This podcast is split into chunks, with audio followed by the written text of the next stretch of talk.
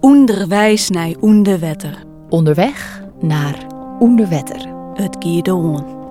Mooi dat het harkes naar deze audio-intro voor de vaststelling onderwetter. Misschien ben al onderweg naar de ijsbaan in Bergen. Ja, of misschien is nog lekker thuis op een bank.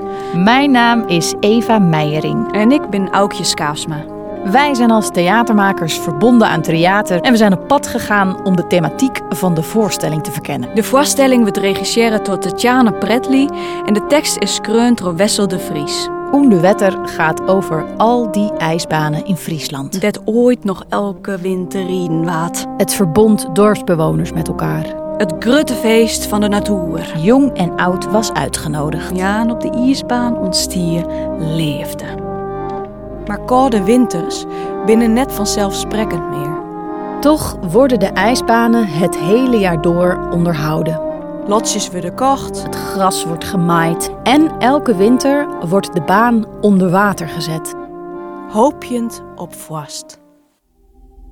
In Oendewetter maken we kennis met de boerenfamilie Kingma.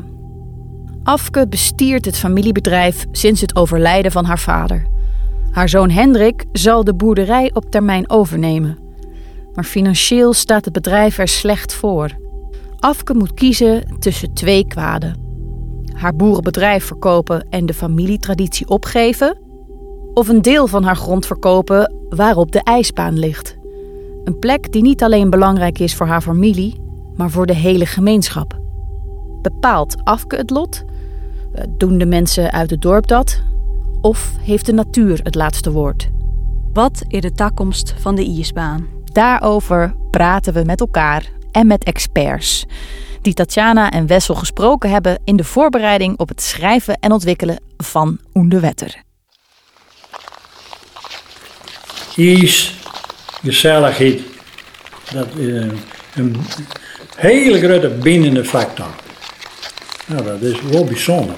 Het meer de vriezen, krijg ik hier een knop op. Dat is net alleen bij mij zo, maar bij een heel soort zo. Want Het ingrediënt vriezen, dat moet erbij. Dat is heel vreemd. Mijn zich oors, en die de, dag, uh, altijd de, hele dag het pak aan had. Nou, die gooit dat aan de kant.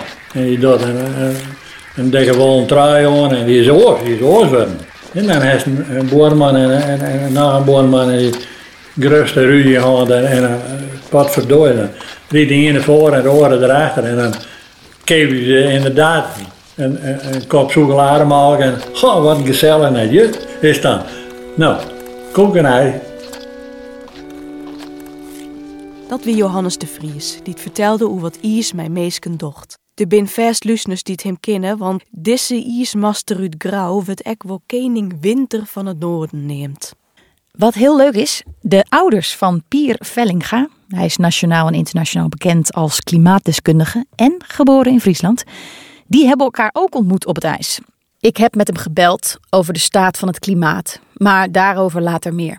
Hij heeft, net als Johannes de Vries, warme jeugdherinneringen aan het ijs. Want ze gaan net altijd kosten zetten. En dan, uh, dan hier is een bielen. En dan uh, de tjerkengraaf die, uh, had, die had dus dan die stikjes. In zo'n plaat van 1 bij 2 meter of 2 bij 2 meter. En dan hier is zo'n jochen van die drillende platen achter elkaar. En dan daar doorheen rennen. Oh ja, dan weet ik het weer. En op een dag hier ik drie keer in zitten. Dus ik kwam drie keer maar weer te cliënt thuis. Dat is de eerste keer dat ik mijn mem gewoon heb gezien. Op het trekken zie het ze. Ze kon het net meer aan.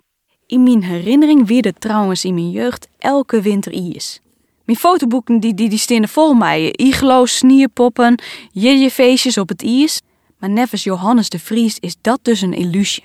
Zo, ja, vroeger weer elke keer hier winter. Dat weer net zo. Dat denk je wel, maar dat is net zo. Maar dan geeft het precies eens naai. En dan zei het nou, die corrigeert die dan.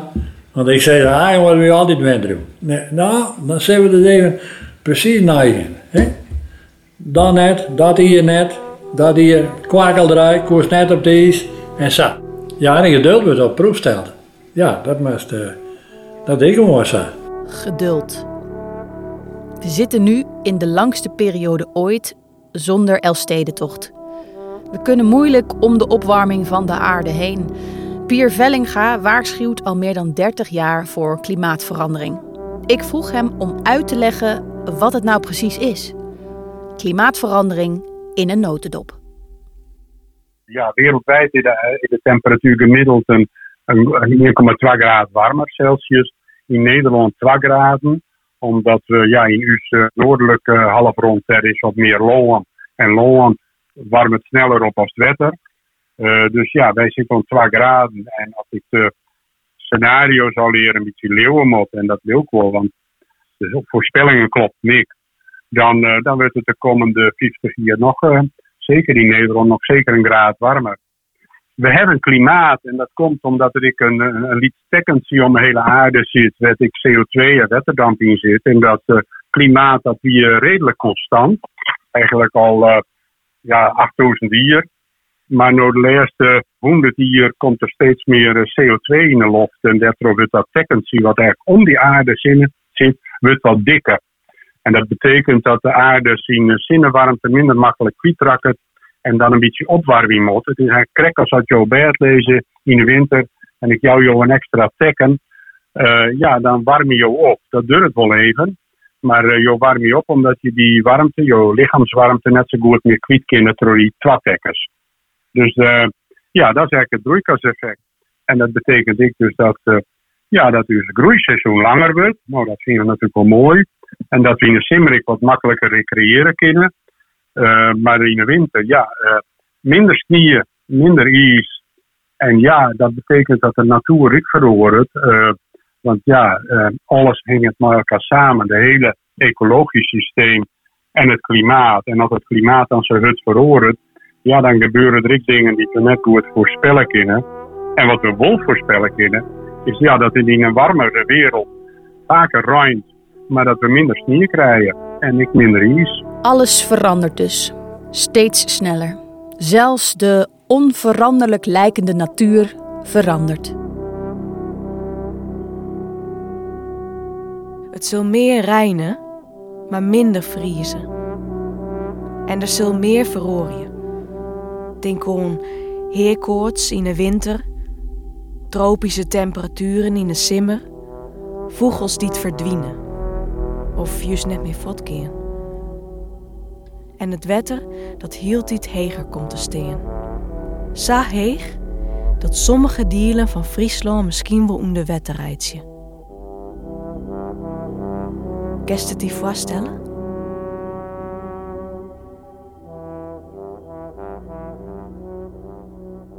Karel Veneman van Wetterskip Friesland had hem dwaande met de toekomstscenario's als gevolg van klimaatverhoring. Ik praatte met hem over wat het voor Rus budgetten zal. Het wordt het probleem op de laagste plekken. Dus je kunt je voorstellen dat je daar op een gegeven moment de gewassen die je nu gewend bent daar te telen niet meer kan verbouwen. En wat ga je dan doen? Andere gewassen? Of misschien wel helemaal geen, geen landbouw meer op die plek. En op de hogere delen, dan kan het best zijn dat je daar... Uh, meer bouwing moet gaan creëren. Maar de ontwikkelingen gaan nu zo snel. We krijgen zoveel nieuws tot ons via de media en rapporten van het IPCC, internationale uh, organisatie die het onderzoekt, maar ook van het KNMI. Dus de boodschap is wel overgekomen. Alleen mensen weten vaak niet, ja, maar wat kan ik er dan aan doen? Je kunt ook er rekening mee houden bij het ontwerp en materialengebruik van je woning, dat er wel eens een keer water kan staan. Dus misschien moet je die onderste meter van de muur wel meer waterdichter maken. Of misschien moet je de onderste helft van de voordeur uh, waterdicht kunnen maken. Zodat je het water in ieder geval buiten houdt. Misschien moet je de stopcontacten niet uh, vlak boven de plint doen, maar een stukje hoger, zoals ze vroeger zaten. Misschien moet de meterkast op de eerste verdieping. Even gek gedacht. Dus zo kun je wel, je hebt wel overlast, maar je kunt wel schade uh, minimaliseren. Het is slim om hoog te bouwen en als het echt niet kan, je zit toch in een lager deel waar een hoger overstromingsrisico is, hou er dan ook rekening mee dat het af en toe zou kunnen overstromen. En af en toe kan het nog steeds zijn, één keer in de 50 jaar. Maar dat is best, best vaak. Karel Veneman denkt dat we de natuur volle meer inzetten moeten als wapens in de stijging van de zeespiegel. Hij had je van een mooi voorbeeld uit Suriname. De dynamiek van die natuur moeten we gewoon weer betrekken in ons ontwerp. Nou ja, er zijn gebieden waarbij ze uh, buitendijks in de zee mangrovenbossen hebben staan om zeg maar de golven te breken. zodat de dijken minder hoog hoeven. Nou, je kunt je voorstellen, stel dat we hier nou mangrovenbossen uh, buitendijks hebben staan. Het zou er een beetje apart uitzien voor Nederland. Maar het is natuurlijk een prima golfbreker. Nou ja, building with nature noemen ze dat wel eens. Net met de natuur kun je ook heel veel bouwen en sluit aan bij wat, hoe de natuur dingen oplost. Natuur is volledig circulair. Natuur is energie-neutraal. En uh, wij mensen zijn daar een beetje van vervreemd. Maar we kunnen heel veel leren van de, van de natuur. Ja, mooi. Mangrovenbossen aan het wat. Misschien moeten we klimaatverandering inderdaad meer als een kans zien dan als een bedreiging. Nou ja, klimaatverandering is, is behoorlijk complex. En uh, je, jij hebt altijd verschillende geluiden de roer. Kijk, als uh, nou, het valt wel wat mooi, of het kind dan net weer wezen, of die duurzame, doorzame energie is te duur. Nou, ik eigenlijk in je mythe, die doorzame energie, dat is eigenlijk een, uh, een zegen voor u. Het zit wat moeite kost om uh, alle huizen naar een doorzame energie te, te krijgen. En daar moet de, de, de staat ik bij helpen. Maar het kan al je wel en het is zeer de moeite waard. En zeker omdat we daarmee uh, ja, misschien toch de temperatuur onder controle horen. Dat we uh, deze eeuw toch nog een peer toch naar ieder kunnen. Maar hoe zit dat dan met die ijsbaan? Heeft die nog wel toekomst? Of moeten we gaan nadenken over het afscheid van deze traditie? Het is eigenlijk een openluchtmuseum. Dus de ijsbaan moet misschien niet weg. Zo van dat was ooit en uh, we zijn het vergeten. En de, de, nieuwe generaties weten niet eens meer dat je kon schaatsen in Friesland. Dat zou jammer zijn. Aan de hand van zo'n ijsbaan kun je ook het verhaal vertellen van de menselijke invloed op het klimaat. En dat we toch uh, nou ja, goede voorouders moeten zijn voor de generaties na ons. Dus meer dan symbolisch. Ja, er is in het Engels een begrip uh, use it or lose it. Dus je moet het broeken of je verliest het. Dat is het, het noodlot van klimaatverandering. Dat een heleboel tradities uh, wereldwijd, ja, die, kunnen net volhouden als in een warmere wereld. Maar dan moeten we misschien nieuwe tradities maken zien. En ja, voor jou en mij, die het orde iets nog kennen, is dat vanzelf heel verdrietig. Maar voor de jonge Rijn, ach, die wend ik wel weer een nieuwe traditie. Dus dan moet ik net altijd nostalgisch en conservatief wezen. Nu ken ik weer uh, wat, wat binnen nieuwe kansen. Use it or lose it. Dat alles verandert vind ik persoonlijk wel een troostende gedachte. Een afscheid betekent ook een nieuw begin. En op zich, je kon natuurlijk uh, als aan ijsbaan ik uh, mijn zonnepanelen uh, bedekken. En dat het dan vriest, dan die zinenergiebroeken om, uh, om ik heb uh, leidingjes er uh, te lezen die het wetter bevriezen litten. Dus je kon van die, al die, mooie wijdjes of stukjes land, wat nou een ijsbaan is, daar zoen je leidingen lezen kunnen. En die uh, winters het wetter bevriezen litten. En dat dwam maar zinenergie die je op datzelfde weiland opwekken. En misschien dan verkeepie en dan in de winter weer omkeepie om, uh, om de zaak te, te, te, bevriezen. Ik vind dat net zo'n gek idee. En uh, het is nou misschien nog iets te duur, maar ach, we hebben wel even tijd. Die zullen daar een, plan van maken kunnen. Maar de eigenaar van de groen als pachter. En uh, alvast dus een som kan van hoeveel kost het aan leidingen. En hoeveel kost het aan energie om daar een, nou ja, steeds maar een weekensfjouwer een, een ijsbaan van te maken in de tijd dat het wat, wat kouder is. Dus in de winter, januari, februari, bedenk maar wat. Ik denk dat het werkt, ja. Hoe zeldzamer is nog wut, hoe magischer het vaak wol is. Johannes de Vries vertelt hoe het hier denkt dat de takkomst van de ijsbaan eruit zocht.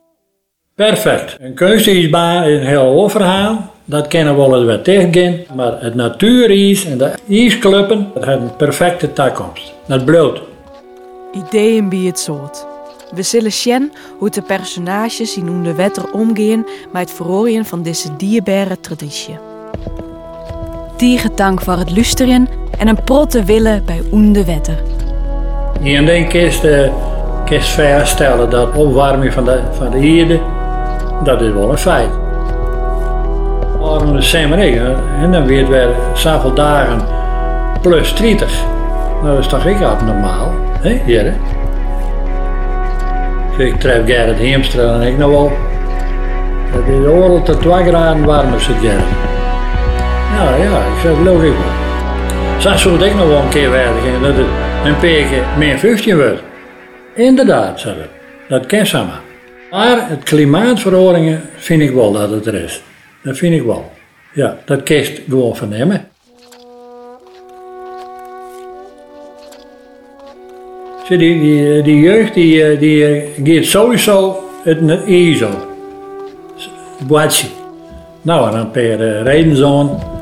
Zo het komen. Of op een slietje, zowel op dat ijs. Want dat is dan magisch. Dat weer water en dan is het ijs. En dan kan je erop rennen. En dat, dat is toch iets natuurverschijnsel. Geweldig, hè? dat, zo is ja. Ja, dat, dat, dat uh, vergeet net. Hoe je net erin te zetten. Echt net. Dat is zo'n honderd die je nou zou. Daar ik wel te garanderen.